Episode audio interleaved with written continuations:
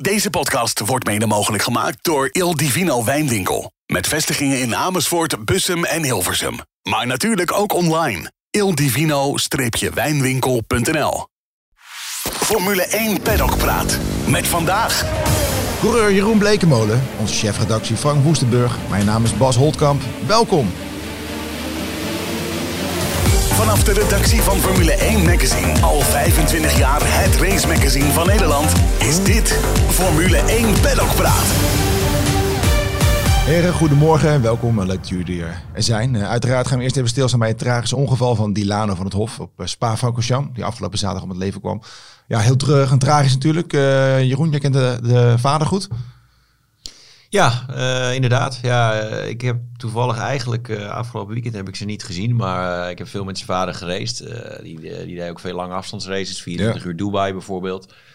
super aardige vent. Dus altijd als we op het circuit waren, hadden we leuk contact. Ik kende persoonlijk Dilano niet. Ja. Die zal ik af, ongetwijfeld wel eens ontmoet hebben hoor. Maar ja, in ieder geval niet echt bewust nog uh, wie hij was, maar natuurlijk inmiddels wel. Uh, ja, inmiddels gezien wat hij gedaan heeft, was mooi op weg. Had echt een, ja, was echt aan het bouwen aan een mooie carrière. Ja, echt enorm triest natuurlijk. Nou, je moest zelf ook racen op het circuit. hoe was dat? Dat je dan ja, zoiets heftigs gebeurt en even later moet je zelf instappen. Ja, nou goed, er hangt altijd een, een klein randje om Spa heen, vind ik. Uh, zeker ook, ik deed dan mee aan de 24 uur van Spa. Nou, daar gebeuren eigenlijk ieder jaar wel grote crashes. Er brak op uh, donderdagavond iemand zijn rug nog uh, in de trainingen. Ja. Je weet gewoon, ook weer in een roes, je weet gewoon, het is verschrikkelijk snel daar. Het gaat daar vaak fout. er gaan elk jaar wel een paar man ja, letterlijk het ziekenhuis in met de 24 uur. Dus van tevoren weet je al, dit is, uh, ja, is dat best wel spannend. Nou, als dan zo'n ongeluk gebeurt, uh, je hebt Hubert nog in je hoofd ja. van een paar jaar geleden. En als dan dit gebeurt, dan, uh, ja, dan dat is echt heftig. Ik denk voor iedereen, je weet dat het gevaarlijk is. je weet dat Spa misschien nog wel iets gevaarlijker is dan mm -hmm. andere circuits. Maar dit, ja, die, die komt echt binnen. Ja. Met wat voor gevoel ga je dan de auto in, Jeroen? Ja, nou goed, uiteindelijk heb ik niet gereden omdat mijn teamgenoot al gecrashed was uh, vrij vroeg in de race. Ja. Dus, uh, en, en daar was ik, uh, om heel eerlijk te zijn, blij mee, soort van. Hoe gek ja. dat ook klinkt, dat ik zelf niet hoefde te rijden. Ja. Maar ik was niet relaxed de auto ingestapt. je weet gewoon als je omhoog rijdt daar bij Rouge. Kijk, bij Dilano was het, was het ontzettend nat. kon je niks zien. de 24 uur was nagenoeg droog. Ja. en je weet als je daar omhoog rijdt, is het ook gewoon blind. En dan kan je zeg maar zo'n crash als Hubert, die heb je zo. Als iemand voor jou crasht, uh, tien seconden voordat je daar aankomt en die komt op de baan te staan, dan, dan rij je er zomaar uh, dwars doorheen. Ja. Dus dat is iets wat toch wel altijd in je hoofd zit, ja. ja. Weet jij of er nog een overweging is geweest voor de organisatie om de, om de hele 24 uur niet te laten rijden? Uh, nee, uh, nee, absoluut nee? niet. Uh, dat is nooit, is, is denk ik nooit over gesproken. dat is ook een beetje wel inherent in de autosport. Ja. Ik heb dat zelf dan in, in Le Mans meegemaakt met Alan Simonsen, die in het eerste uur kwam te overlijden. dat nieuws kwam al heel snel naar buiten. Ik ja. weet nog heel goed, want ik zat zelf in de auto op dat moment. zag die klap min of meer gebeuren. Ja. Die klapte op de vangrail, er stond een boom achter. En uh, nou ja, toen, uh, dat, de klap was gewoon te hard. Dus die, die overleed al vrij snel. Dat kwam toen om zes uur s'avonds binnen, dus drie uur na de start. En uh, toen hoefde het voor mij ook niet. Ik zei toen ook van, wat zijn we hier aan het doen? laten ja. we lekker gewoon naar huis gaan allemaal. Maar die race ging gewoon door. En uiteindelijk won Tom Christensen die wedstrijd, een landgenoot. Ja. En heeft hij heel mooi op het podium nog een toespraak gehouden. Um, en die jongens zijn ook allemaal gewoon vol gas doorgegaan. Maar toen ook, ik heb, dat was in Tetre Rouge, het lange rechte stuk op. Ik heb die mm-hmm. bocht nooit meer 100% genomen, nee? die wedstrijd. Ik heb uh, altijd marge gehouden. Op de een of andere manier zat het toch ook in mijn hoofd. Dus ja. dat doet meer dan, uh, dan dat je denkt. Ja, nee, dat kan ik me voorstellen. Ja. En wat je ook zei, nou, op uh, Spa gebeuren vaak van dat soort grote klappers inderdaad. Aan de andere kant, de meeste coureurs vinden het een van de mooiste circuits die er is. Dus het is een beetje tegenstrijdig natuurlijk. kan het nog wel daar, op deze manier racen daar? Ja, het is een moeilijk dilemma. Kijk, uh, ik vergeleek hem eigenlijk met de Halo. En dat is misschien een gekke vergelijking. Ja. Maar uh, die Halo zeiden heel veel mensen van... het ziet er niet uit en wat moeten we ermee? Mm -hmm. Maar het heeft inmiddels een paar levens gered. En uh, ja, Eau Rouge, bekendste bocht ter wereld. Ja. Moet je die dan gaan aanpassen? Ja, misschien wel. Want misschien gaat dat toch een paar levens redden ja, in de toekomst. Ja. Dus aan de andere kant uh, hoort het er misschien een beetje bij, wat dan ook heel hard klinkt. Maar het, hoort ook, het gevaar hoort ook bij de autosport. Maar Ja, ik vind het geen gek idee om erover na te denken om die bocht misschien anders te maken. Want hij is blind en hij is zo snel. En ik vind dat de uitloop kleiner moet worden. Er is zoveel uitloop daar dat de risico, de mensen nemen heel veel risico. Je gaat er nu met z'n tweeën, drieën, met z'n vieren soms omhoog tegelijk. En dat, dat, dat, kon je vroeger niet. Vroeger stond daar gewoon een, een vangrail naast de baan met een klein strookje grind en, dan, en dat was hem. Dus dan ging je echt gewoon één voor één omhoog daar. En dat oh. maakt het dan een stuk veiliger. Ja, het ging natuurlijk ook in Oostenrijk. Hè. Ging het, uh, waar de Formule 1 was, ging het natuurlijk over het ongeluk uh, op, uh, op Spa. veel coureurs hadden het erover, hè, omdat ze natuurlijk de Formule 1 gaat er over een paar weken ook naartoe. En Max onder andere, die zei van, ja, je moet gewoon in ieder geval de, de, de, de vangrails na Oroes verder naar achter proberen te krijgen. Dat, dat als je een crash hebt, dat je niet automatisch terug de baan opstuitert. Ja, het, het, probleem is nu wel dat er is heel veel ruimte. Dus mensen rijden eigenlijk vaak met z'n tweeën of drieën omhoog. En dan missen ze compleet de bocht. Maar er is ruimte om dan naast de curbstone te rijden. En uh, ja, daarmee, uh, als er dan wel iemand staat, ook al staat hij dus naast de baan, dan daar rijden ook gewoon auto's tegenwoordig, omdat die ruimte er is. Dus ik zou zeggen, leg er grind neer. Ja. zorg dat je gewoon weet van hier is de limit. Uh, ja, uh, we gaan het zeker over track limits hebben. Maar uh, zorg dat je gewoon op die baan blijft. en dat, het anders, dat je anders zeg maar een soort van gestraft wordt als je niet op de baan blijft. in plaats van dat die ruimte er ligt. Ja. En ook in je column gaf je aan van ja, of even weer teruggrijpen naar een oude maatregel die ze vroeger hebben gedaan met een chicane vooraan de Rouge. Ja, ik denk, kijk, Formule 1, dit zie ik nog niet eens zo het probleem. Uh, dat zijn 20 auto's. Uh, daar wordt, uh, zijn ze ontzettend snel met reageren. Dus als er iemand crasht, dan ja, dat heb je meteen op je display in je auto. Het team vertelt het meteen.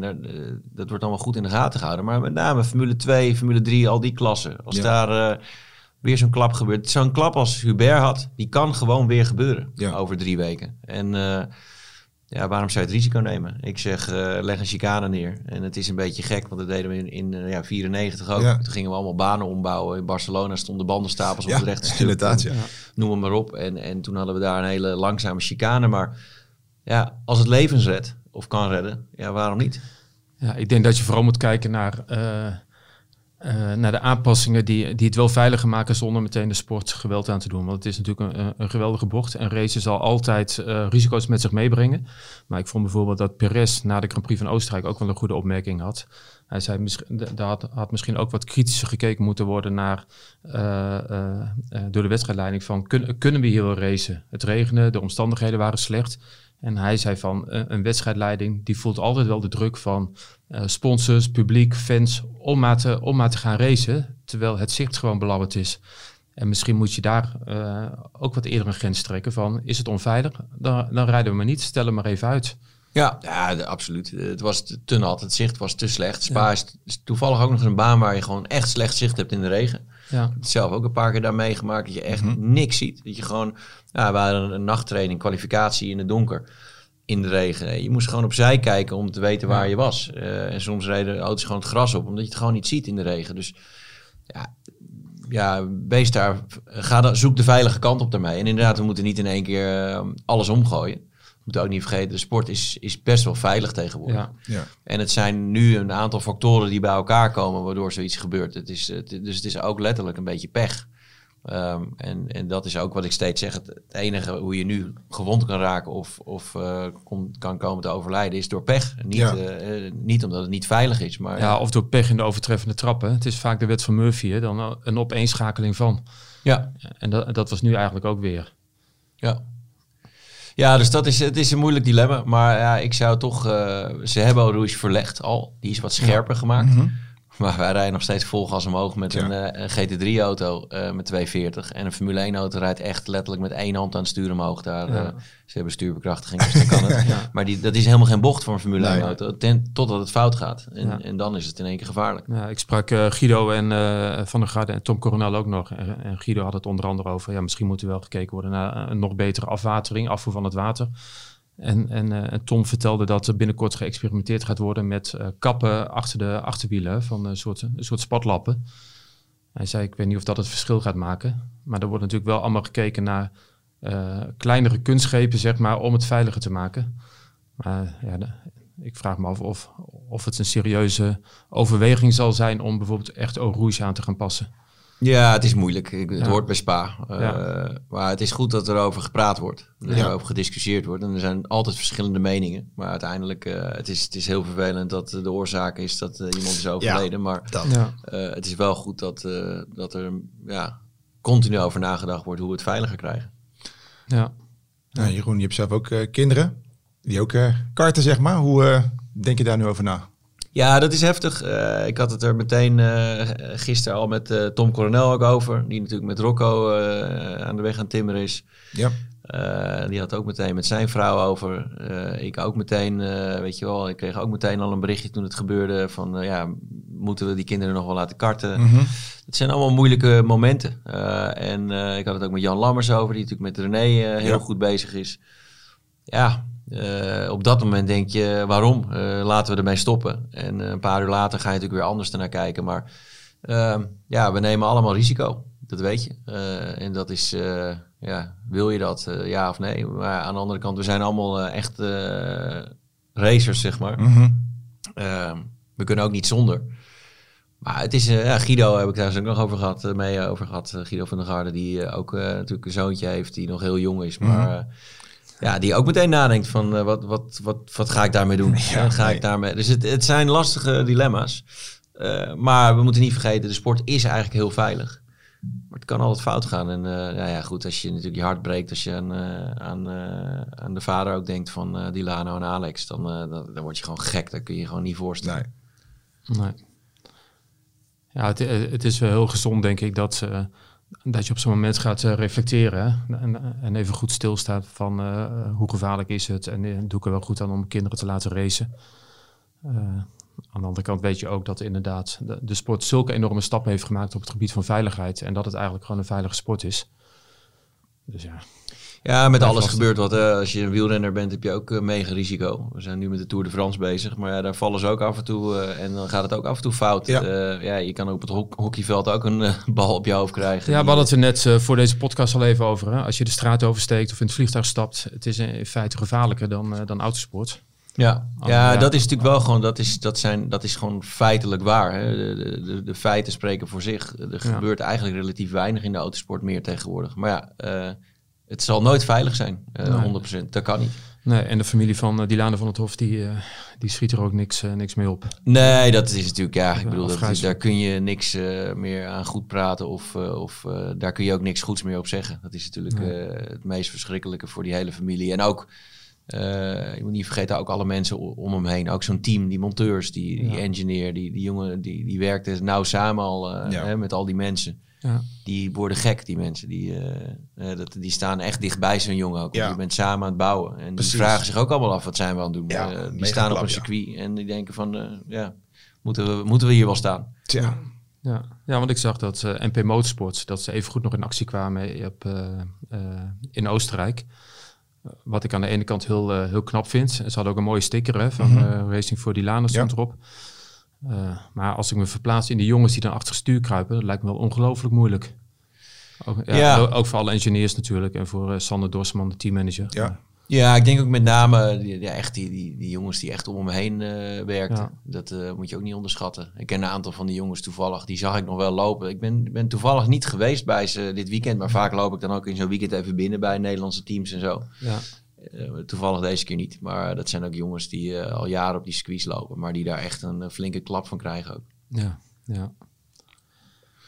Nou, nou. Ja, eigenlijk kan je wel stellen, denk dat iedereen die betrokken is bij de autosport, dat hij gewoon een enorm klote weekend achter de rug heeft. Want het, het, raakt iedereen natuurlijk. En dat zag je ook wel aan de reacties, ook van de Formule 1 coureurs. Ja, zeker.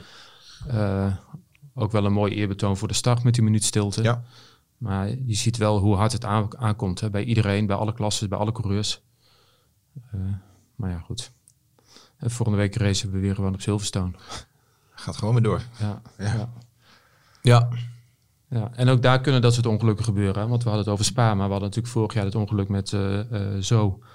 Uh, Had ook zomaar helemaal verkeerd af kunnen lopen. Ja, bedoel, ja hij, stapt er, hij komt er uiteindelijk levend uit. Maar ook dat had verkeerd kunnen aflopen. Ja, nee, maar ook Formule 1, weet je, er gebeurt relatief weinig. Maar uh, ook daar, als je net op, op de verkeerde manier uh, elkaar raakt en een auto gaat de lucht in en ja. komt op de verkeerde manier de hekken in, of, uh, of zelfs het publiek in, hè, er, zijn, er zijn echt plekken waar dat ook nog kan. Ja. De, de, en dat, Het vervelende is dat het vaak moet gebeuren voordat het aangepast wordt. Absoluut, dus, ja. Ook Formule 1 is, is heel veilig, maar zitten ook gewoon als, het, als, ja, nog, als je dat pech hebt, kun je ook gewoon nog hele vervelende ongelukken hebben. Ik, was, ik moest gisteren nog terugdenken aan het ongeluk van uh, Jules Bianchi in Japan. Daar was ik toen bij. En dat was eigenlijk ook weer een voorbeeld van pech in de overtreffende trappen. Van uh, een uh, ongeval, ik geloof een ronde eerder van Soetel, geloof ik of zo. Een kraan die op de baan staat, hij die eraf glijdt. Uh, Precies daar. Regen, overgang van licht naar donker, zeg maar, met, met, het weer.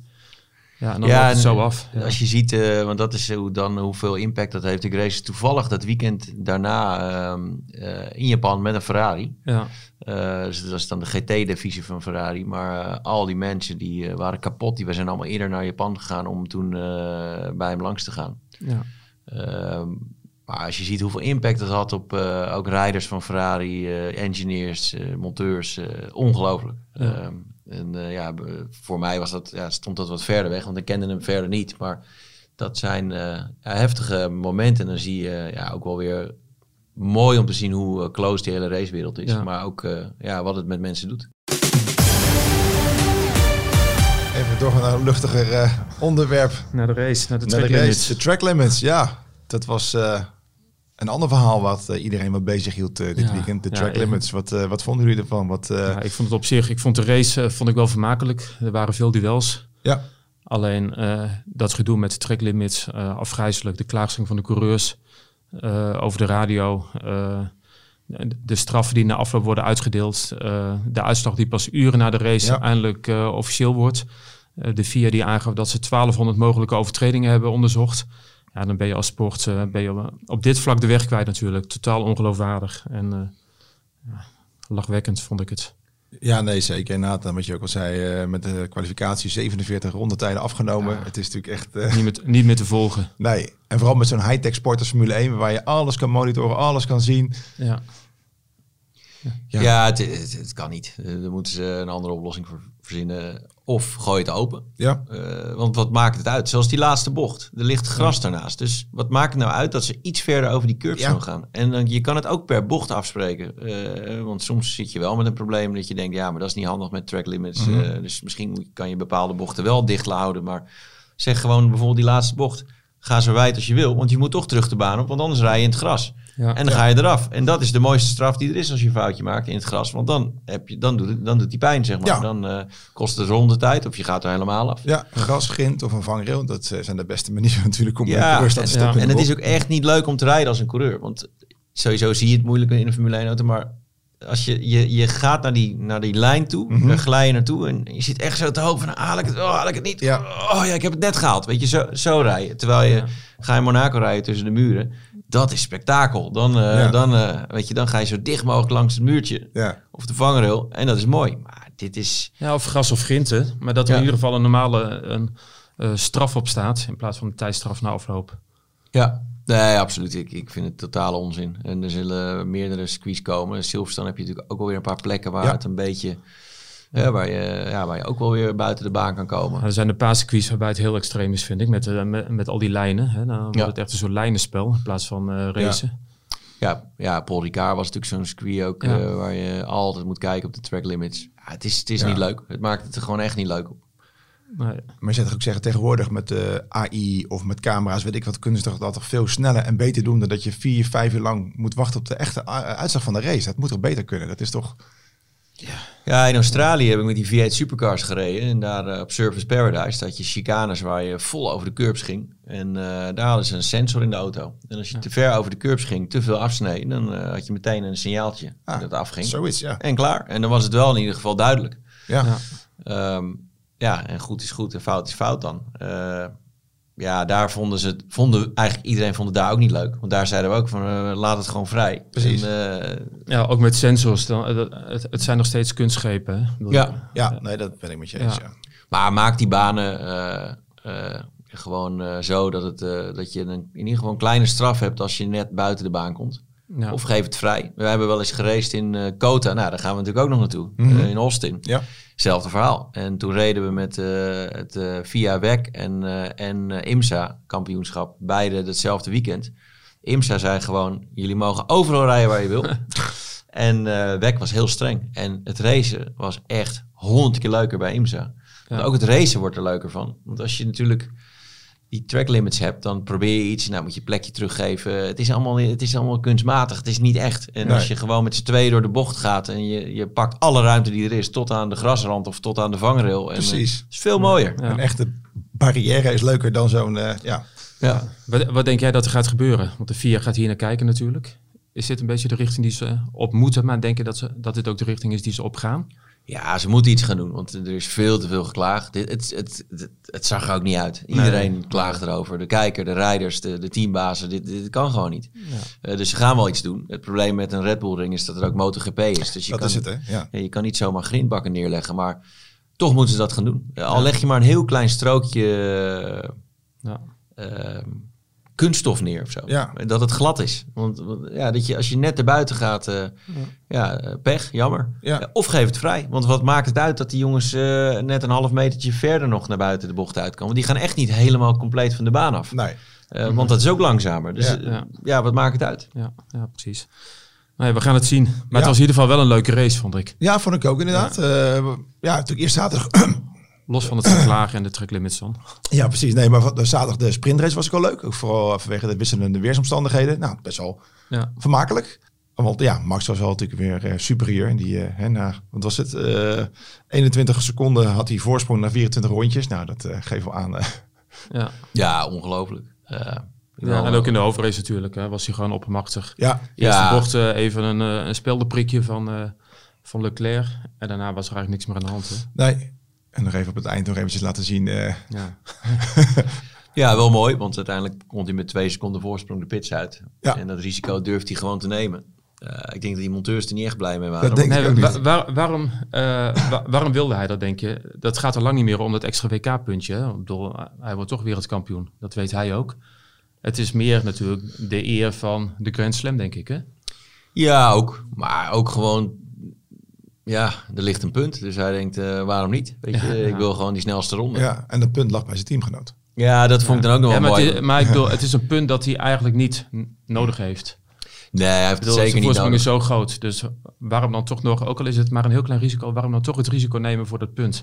Ja, ik vond een mooie opmerking van Helmut Marco. Die zei uh, van, uh, Verstappen zegt wel, die geeft helemaal niks om al die records. Maar kent ze allemaal uit zijn hoofd. Dus, uh, en uh, dat vind ik wel gaaf, want ja. hij is er dus echt gewoon mee bezig. Ja. hij wil ook gewoon straks 100 de snelste rondes op zijn naam hebben staan. Ja, ja. En hij wil gewoon met alles de beste zijn. ik vind hem wel gaaf dat hij het doet. Ja, maar, ik ook hoor. het is maar... voor, die, voor zo'n team is het echt wel... Ze hadden die snelste ronde al als Red Bull zijn. Die monteurs waren eindelijk klaar. Die staan lekker langs de kant van... Nou, weet je, wij hebben onze job gedaan vandaag. Ja, ze moesten nog een hekje aan de kant duwen. Hè, want er stond al een hekje klaar voor de huldiging en zo. En, ja. Ja, nee, uh, het is ja. echt mega druk. Maar aan de andere kant, uh, uh, hij, hij Verstappen eist gewoon dat alles foutloos gaat. En, ja, en, dat, en dat alles voor hem is. Ja. Hè, de, dus hij vind, laat niks aan de concurrentie, ook al is het teamgenoot. Eigenlijk vond het mooiste dat hij ook gewoon, toen hij de baan opreed een soort van kwalificatie. Het was een soort kwalificatie. Hij was le lekker de bandjes aan het opwarmen. Ja, ja. Denk je, wat ja je zag hem hij zigzaggen ja, van... Ja, hij zo lekker de banden precies op de juiste temperatuur. Want hij liet in die outlap nog tijd liggen, expres. Om, om niet die banden te heet te maken, maar ook niet te koud. Dus precies opzoeken de juiste uh, temperatuur. Ja, wat denk je dat zo'n Leclerc moet denken? Die ziet gewoon Verstappen daar een beetje, een beetje zigzaggend uh, zich klaarmaken voor een quali Ja, hij komt vlak voor je de baan af. Kan ik hem nog pakken? En je ziet hem zo zigzaggen. Oh, laat maar. En daarna paars, paars. ja, het is echt uh, niet normaal. Ja. Maar, uh, maar wel gaaf. Ja. ja. zeker. En wat vond hij met de sprintrace? Dat Perez even zijn ellebogen liet zien. Zijn spierballen. Ja, hij riep natuurlijk dat hij niet zag. Ja. Maar ja, dat moet je ook wel roepen, denk ik. Maar ja... Ja, ik had het mooi gevonden als hij had gezegd, uh, ik was gewoon aan het racen. Ja. En ja. uh, want hij ging te ver eigenlijk, maar dat is wel, dat zou Verstappen had misschien ook wel ik net zeggen, Max gaat ook wel eens te ver. Dat hoort ja. er een beetje bij. Dus ik, ja, en ik vind dat hij dat best uit mag spreken. Ja, uh, ik... En want nu zag je duidelijk dat hij, je ziet hem kijken, kijken, ja. twee keer, drie keer. Dus hij weet echt dat hij er is. Nee, en op een gegeven moment zat hij met zijn, met zijn, met zijn vleugels, zat hij, hij zat er 100% naast ja. al. Ja. Nou, ik vond het wel mooi dat Max maakte zich daarna natuurlijk ook breed. Hè? Twee keer toe. Ja, ja daarom dus. En uh, we hadden het net over dat ene WK-punt. Dat WK-punt was natuurlijk voor de snelste rondetijd in handen van Perez. En Max gaat dan op het laatst toch nog even zelf die, uh, uh, die ronde neerzetten. Ik weet niet of, of dat akkefietje van nou, de sprintrace dan ook nog meespeelt. Ik, ik denk het wel, eerlijk gezegd. Ja, hoor, hij wil hem echt kapot maken. Hij, gun, hij gunt hem geen kruimels. Helemaal niks. Nee, absoluut niks. En dat, uh, zo hoort het ook te zijn. Ja. Zo'n sportman is het ook. Maar uh, ja, prachtig. Gewoon, nee, maar als dat uh, bijvoorbeeld, stel, het was Ricciardo geweest met wie hij een goede relatie had en heeft. Zou die dan op dezelfde manier alsnog voor die snelste rondetijd zijn gegaan? Of heeft het ook wel te maken met de, de verstandhouding met Perez, het akkefietje van een dag eerder? Ja, maar hij, denk het wel. hij had nu de ruimte natuurlijk, maar het speelt allemaal mee. Ja, hij ziet dat ook, gewoon, Max is, is aan genoeg, zeg maar. Die ziet gewoon op de schermen langs de baan, ziet hij, uh, Perez uh, ligt daar, die ziet heel duidelijk wie de snelste ronde heeft. Ja. Dus dat heeft hij gewoon door in de auto. Dat hoeft niemand hem te vertellen. Dat, nee. uh, dat ziet hij zelf. Ja, ja. Nou, daardoor schoot wel Hulkenberg naar de tweede, tweede plek natuurlijk. Dus dat was voor hem natuurlijk leuk. Ja, ja. Langzaam, dan zeker zak je er meer naar achter. Maar ook Hulkenberg reed weer in de prima eerste stint van de race. Ja, Nee, dat klopt. Maar goed, uiteindelijk gaat het om de hoofdrace. Dat klopt. En uh, nou, Perez stond wel weer op het podium hè, vanaf P15. Ja, maar ja, snelheid viel gewoon tegen als je eerlijk bent. Kijk, die, die auto is, is gewoon de beste auto. Dat is duidelijk. Ik denk dat Verstappen alles gecontroleerd heeft op, op een goede manier. Ja. Niet te hard gepusht met de banden. Dus die, die had, er zat misschien nog wel meer in als je zeker op het einde kijkt wat, uh, wat Verstappen reed. En uh, die zat steeds uh, in de 8, in de 108, 8, 8, 8, 6. En Leclerc dan 9 laag. Um, en jij had eigenlijk verwacht dat Perez dan ook gewoon in moet lopen. Maar die, die bleef gewoon op een gegeven moment ook, kon niet meer onder de 9 rijden. Dus nee. een halve seconde per ronde, die, die was hij echt te langzaam. Ja, ja. Maar goed, hij kwam dus vanaf P15, wederom in de kwalificatie. Ja. Was er niks met uh, Perez. Nou ja, niet slim natuurlijk met die track limits. Je weet gewoon uh, met die auto, als je een normaal rondje rijdt, uh, speel het even op safe. Dan heb Precies, je dan zit je hier ja. Ja, en het werd hem nog ingevreven vooraf uh, over de radio van let erop, let erop. En ja. gaat toch mis. Ja, put de, put banker in. En ja. die banker die is nooit gekomen. nee, nou, dat is gewoon slecht. Nee, Max doet het dan wel. En, en, en, de meesten doen het wel. Er waren er maar weinig die, die daardoor sneuvelden. In de race wel. Maar in de kwalificatie uiteindelijk zijn er veel tijden afgepakt. Maar uiteindelijk zijn er maar weinig die echt slecht stonden doordat ze geen tijd hadden. Nee, klopt. Dus het is gewoon stom. Ja. ja. Nou, je zag na afloop, of tenminste ik hoorde een interviewtje met uh, Christian Horner. Daar droopt de frustratie ook wel vanaf. Weet je, want het, het, is, het moet natuurlijk een ABC'tje zijn voor Red Bull om in Q3 uh, eh, te zitten met twee auto's. En dan doet hij het weer niet. Vierde ja, keer. ja. Je wordt er een beetje moedeloos van, denk ik. Ja. En uh, je hebt natuurlijk veel geruchten. Hè? We, gaan het zo nog even over Nick de Vries hebben, denk ik. Ja. Maar je hebt natuurlijk ook veel speculaties over Perez.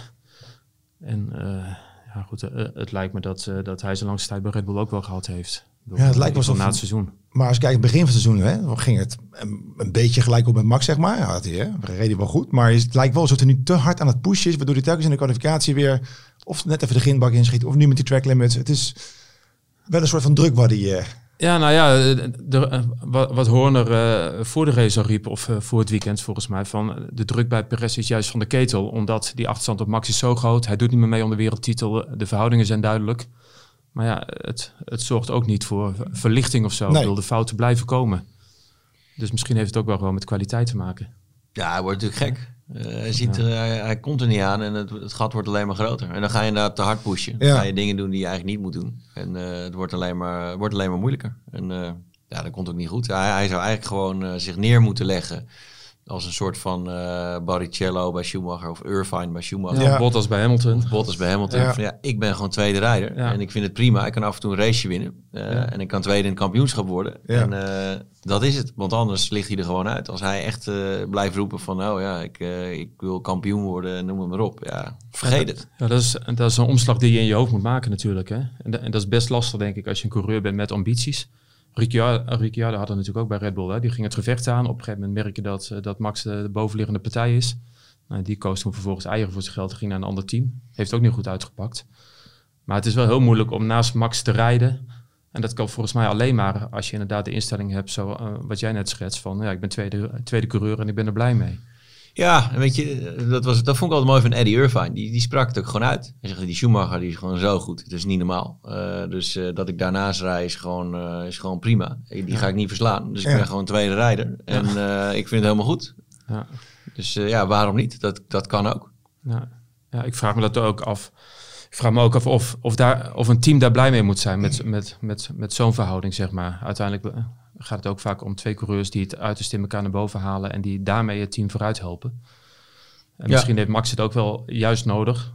Tenminste, hij is natuurlijk al steengoed. Maar om de volgende stappen te, te blijven maken. Ja. Iemand die iets, iets meer push bedoel je nog? Ja, ja. Ja, en voor het team is het natuurlijk lekker als je, dan als je zo'n goede auto hebt, dat de nummer twee wel ook geregeld tweede wordt, zeg maar. Dat ja, is, dat zou wel handig zijn. Ja, dat sowieso. Ja. Ferrari was ook uh, goed bezig. Met uh, Leclerc uh, mooi op de tweede positie. die upgrade nou, lijkt wel redelijk succesvol te zijn. Ja. aan de andere kant Mercedes, die leek het lek boven te hebben, maar er was dit weekend weer wat minder. Van die, of wat voor je van die opmerking van Toto Wolf tegen Lewis Hamilton? Hij riep van, want Hamilton was redelijk aan het klagen over de boordradio. En uh, Toto Wolff riep, uh, Lewis, the car is bad, we know, drive it. Mond dicht, gassen. ja, eh, wel terecht natuurlijk. Hamilton was alleen maar aan het klagen. Tenminste, je hoort niet alles natuurlijk wat uitgezonden wordt over de boordradio. Iedereen was aan het klagen. maar die, die, die terechtwijzing vond ik wel, vond ik wel sterk. Hoe zie jij dat de komende race op Silverstone met de verhoudingen tussen ja, dit was natuurlijk wel een raar weekend met een sprintrace. Je hebt maar één uur vrije training. Ja. Uh, en ik, ze hadden de auto niet voor elkaar. Maar dat is ook heel moeilijk, want je zit al heel snel in het Park Vermee reglement. Mhm. Dus je hebt gewoon heel weinig kans om die auto af te stellen. Uh, we gaan het zo over de Vries hebben, maar die, ik denk, een slimme keuze om vanuit de pits te starten en, en de setup aan te passen. Want je leert gedurende het weekend veel meer. En ik denk Silverstone uh, dat Mercedes echt wel weer een stuk sterker is. Ja. Omdat ze dan gewoon wel aan die auto kunnen werken. En kunnen verbeteren, want ze zijn die auto echt weer aan het, uh, moeten ze echt weer een beetje ontdekken. Ja. maar. En dan zal het misschien wel weer moeilijker worden voor Ferrari, die het nu in één keer goed hadden. Of voor hun doen. Dus nou ja, ik denk dat uh, Mercedes echt wel weer dicht. Ik, ja, het hele veld komt wel weer dichter bij elkaar. Ja. Ja, nog even over Ferrari trouwens. Uh, Sainz, hè, die had een paar mooie duels trouwens met, uh, met Perez in de slotfase. Ja, was maar die zat zich op een gegeven moment ook op te vreten. Hè, want die, die was sneller dan Leclerc. Mochten, mochten van het team niet voorbij. Weer niet. Werd ook een beetje gepiepeld met de pitstop. Hè? Moest je wachten op Leclerc. Die zal ook niet erg blij zijn, denk ik. Nee, nee. Ja, het is, uh, ik had het leuk gevonden als ze hem uh, voorbij hadden gelaten aan Leclerc. Om te zien wat er ging gebeuren. Kijk, het is wel, je hebt drie DRS-zones daar. Ja. Uh, met langzame bochten erbij. Dus daar pak je ook heel veel tijd. Dus misschien dat hij daardoor sneller was. Dat kan ook. Maar laat het maar zien. En ik denk ook dat hij wat sneller was. Want toen hij eenmaal na de pitstop wat verder achter lag, kon hij ook wel weer wat dicht rijden. Maar op het einde was Leclerc wel weer heel snel. Ja. Dus die jongens zitten dicht bij elkaar. Maar, ja, ja maar ze spelen vanuit het team. Van dan met name speelt wel heel nadrukkelijk de kaart uh, Leclerc altijd. Hè. Die twee kennen elkaar al lang. Ja. Terwijl op basis van uh, sportieve resultaten vind ik dat, uh, dat Sainz zich wel degelijk kan meten met, met Leclerc. Ja, zeker dit seizoen. Ja. vorig jaar eigenlijk niet, maar... Had hij moeite, hè? Ja. dit seizoen is hij echt sterk. En ja. ja, geef hem dan die kans ook. Ja. ja maar ja, dan zie je ook dat inderdaad als je... Weet je, als je de eigen preferentie hebt. Ja, maar zo is het wel. Hij heeft gewoon meer, Vasseur heeft gewoon meer met Leclerc. Ja. Er zit gewoon veel historie ook. Dus dan uh, krijgt hij toch het voordeel. Ja, ja. Wie Nick. ook het uh, voordeel krijgt of niet, is natuurlijk Nick inderdaad. Hoe vond jullie zijn optreden dit weekend? Ja, ja zelf uh, vond, sprak hij van een solide race. Mm -hmm. Dat was het ook wel, denk ik. Alleen ja uiteindelijk uh, staat hij gewoon als 17 in de uitslag. Uh, nou ja, wat ik mis bij Nick de Vries is gewoon... Uh, ja, hij liet wel een paar keer de verbeterheid zien. Hè? Dat had hij in Canada ook al. Vooral in die, in die duels met, met Magnussen. Alleen het pakt dan ook steeds net verkeerd uit. Alleen, ja, ik word er nog steeds niet heel blij van, moet ik zeggen. En, en ook hoe hij zich... Ik vind hem nog steeds te voorzichtig. Uh, op de baan, ook te buiten. Weet je, dan gaat het na afloop over die tijdstraf die hij krijgt van de wedstrijdleiding door het akkefietje met Achtersen.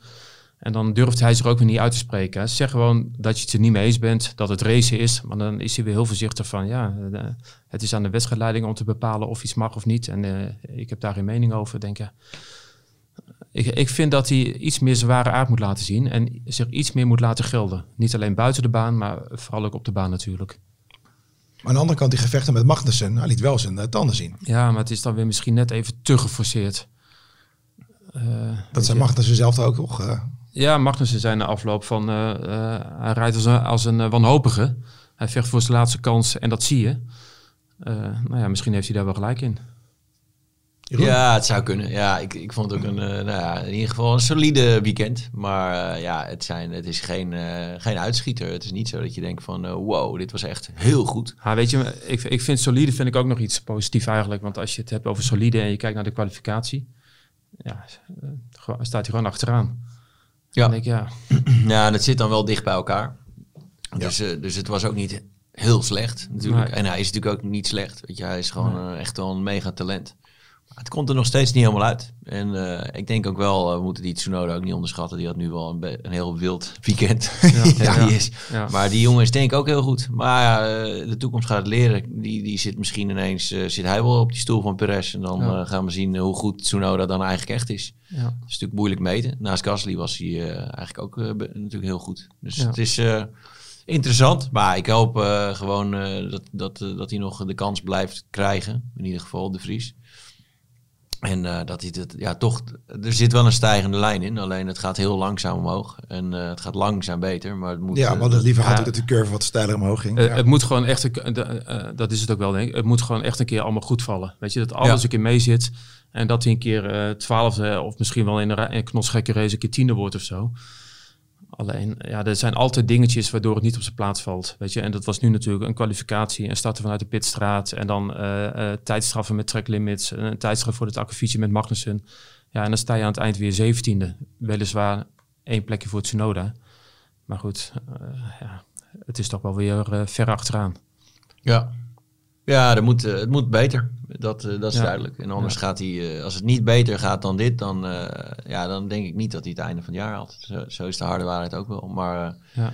hopelijk, nou ja, ik denk dat ze voor de zomerstop niks gaan veranderen. Dus dan heeft hij nu in ieder geval nog een paar Grand Prix. ja, nee, inderdaad.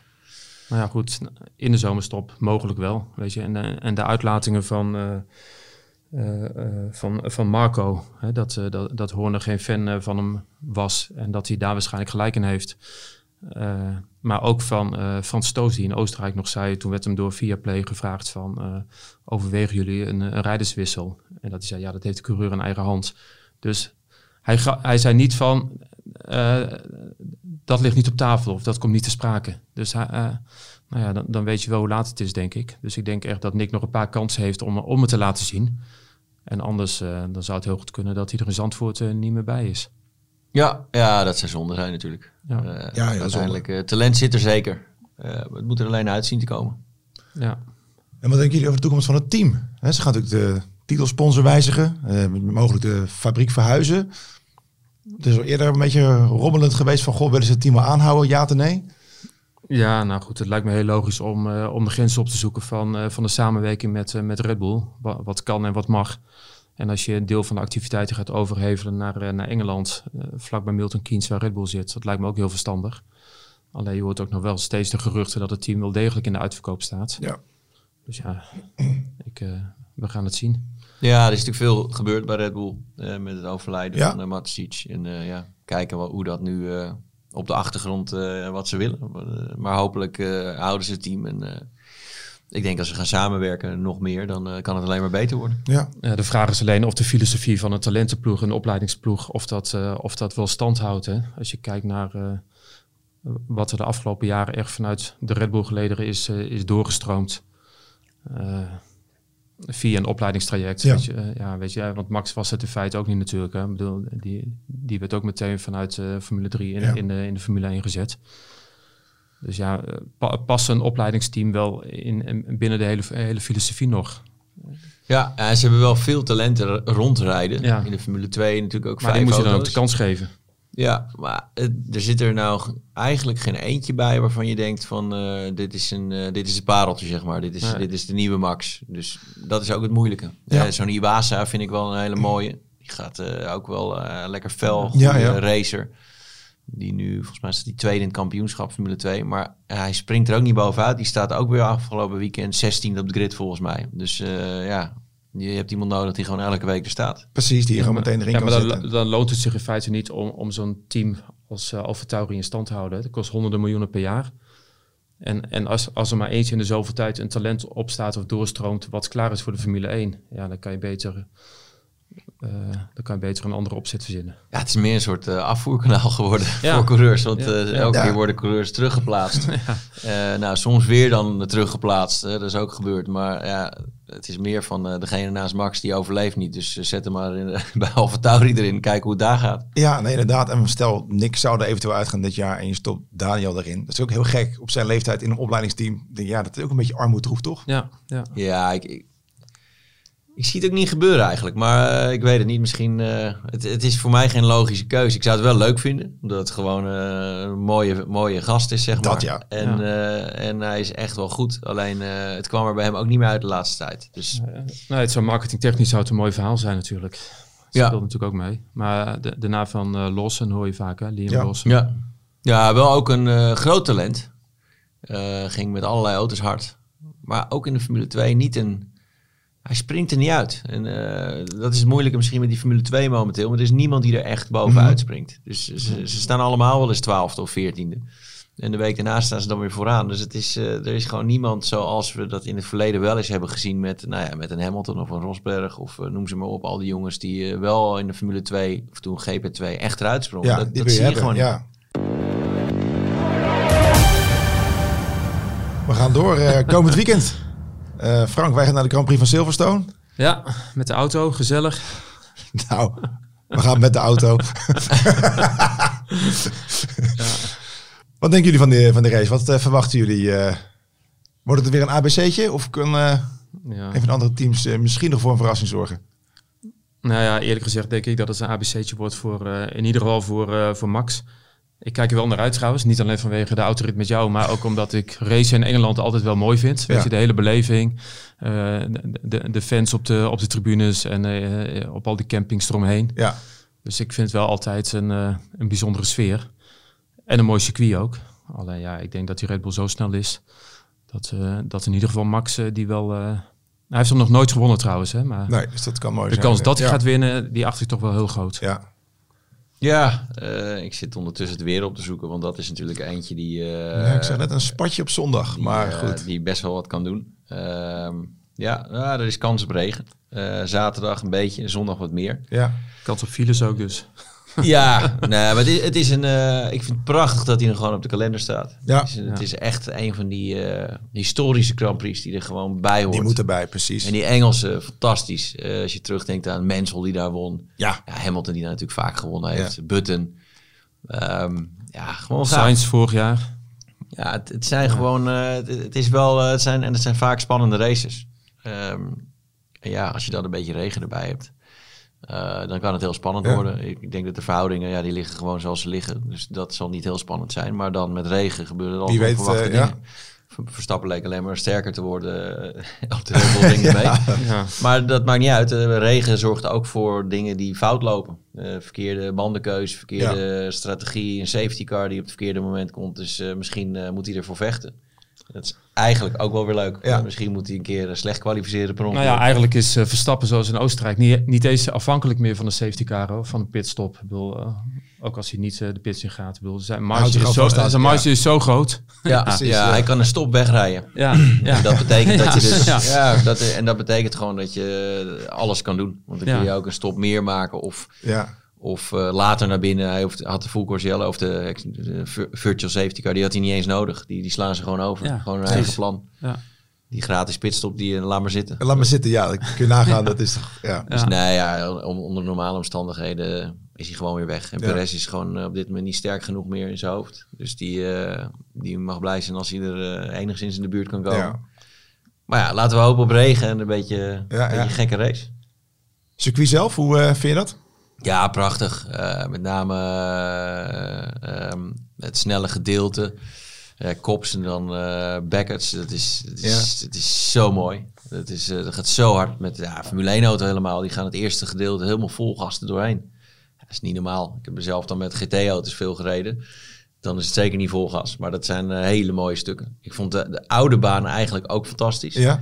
Die nieuwe baan ben ik ja. niet zo'n fan van, als ik heel eerlijk ben. Want ik vind start-finish, zeg maar, het eerste gedeelte vind ik uh, eigenlijk heel suf. Okay. De, twee, uh, de eerste bocht is wel mooi. De eerste twee eigenlijk, maar dan twee hele langzame bochten. Mm -hmm. Die ja. vind ik niet zo leuk. Wat daar vroeger lag was wel mooi. Dat je bridge, waar je dan ja. rechtsaf ging. Dus ik vond eigenlijk die oude baan misschien nog wel mooier. Maar dan nog, uh, er zit, een, er zit Genoeg moois om... Ja, dat is echt gaaf. Nou, tof. We gaan het zien. Um, voorspellingje, podium? Uh, nou ja, ik denk dat we het eens zijn. Verstappen op één. En daarachter Hamilton en Russell. Mercedes. Ja, nee, als Perez gewoon een normaal weekend heeft, moet hij twee worden. En dan uh, ja, Hamilton maar op drie voor zijn thuisrace. Maar ik denk dat Mercedes wel, uh, wel wat sterker is weer dan uh, afgelopen weekend. Ja, Perez heeft niet zoveel normale weekends, hè? Nee, dat is waar. nou, maar misschien gaat hij eindelijk voor het eerst in vijf races dan nu ja. toch door naar toch Q3. Naar Q3 ja. Nou, top. We gaan het zien. Nou, dankjewel voor je komst. nou, ja, zoals altijd krijg je weer een heerlijk flesje van onze podcastsponsor Il Divino. En nou jongens, we maken ons op voor wederom een mooie race. Verder volg je ons laatste nieuws. Nemen wij ook een flesje mee van Il Divino naar Engeland? Zullen we doen? Ja, ik zou het maar doen. Komt helemaal goed. Nou, bedankt voor het luisteren en uh, tot de volgende keer. Ciao. De uitloopstrook. Bumper kleven. Ieder jaar hetzelfde gedonder met die tracklimits in de Red Bull Arena. Ik heb het vorig jaar al gezegd. Formule 1 is geen sport die keurig binnen de lijntjes blijft. Dat zit niet in de natuur van de Formule 1 en niet in de natuur van de Formule 1 racer. Die zoekt altijd het randje op. En daar weer het randje van. En daarvan weer het uiterste randje. En liefst daar ook nog eens overheen, want daar is vast nog het aller, allerlaatste randje dat niemand kent. Dat is Formule 1. En de oplossing? Ja, een grindbak, dat kan. Of zet er gewoon een muur neer, zoals in Amerika. Dan weet iedereen precies waar het randje is. Het is jammer, want verder is de Red Bull Arena een heerlijke baan om te knallen. De DRS-zones zijn precies goed zodat we heel wat fijne gevechten konden zien. In bocht 3, bocht 4 en al die slingers daarna. Nou ja, achter Max dan natuurlijk. Norris versus Hamilton. De Vries versus Magnussen. Albon versus het hele soepie. En tot slot Perez versus Sainz. Wacht even.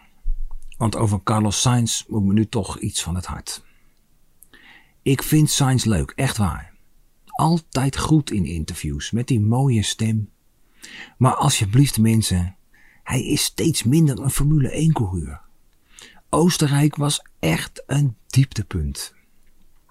Als Sainz nog iets wil bereiken in deze wereld, zal hij bij Ferrari met zijn vuist op tafel moeten slaan. Niet zeuren dat hij sneller is dan Leclerc, maar hem keihard voorbij steken. Niet jammeren over de radio dat hij tijd verliest bij die dubbele pitstop, maar de hele tent uitvoeteren, brullen dat ze alweer zijn race hebben verpest. En dan het duel met Perez. Huilie, huilie over de radio. Hij intimideert me. Hallo. Roepen om de stewards omdat er een Red Bull zit te bumperkleven. Als ik fasseur was, trok ik die signs vandaag aan zijn oor door de hele Ferrari-fabriek. En ik legde hem uit dat Formule 1 een wedstrijd is tussen de 20 beste racers die maar één ding op hun netvlies hebben. Iedereen voorbij gaan. En vervolgens iedereen achter zich houden. Maar Sainz laat zich intimideren. Keer op keer. En dat kost hem precies die halve tiende, waardoor hij steeds weer het onderspit delft. De knop moet om, Carlos. Vorig jaar op Silverstone leek het te kunnen. En kijk eens welke race er aankomt.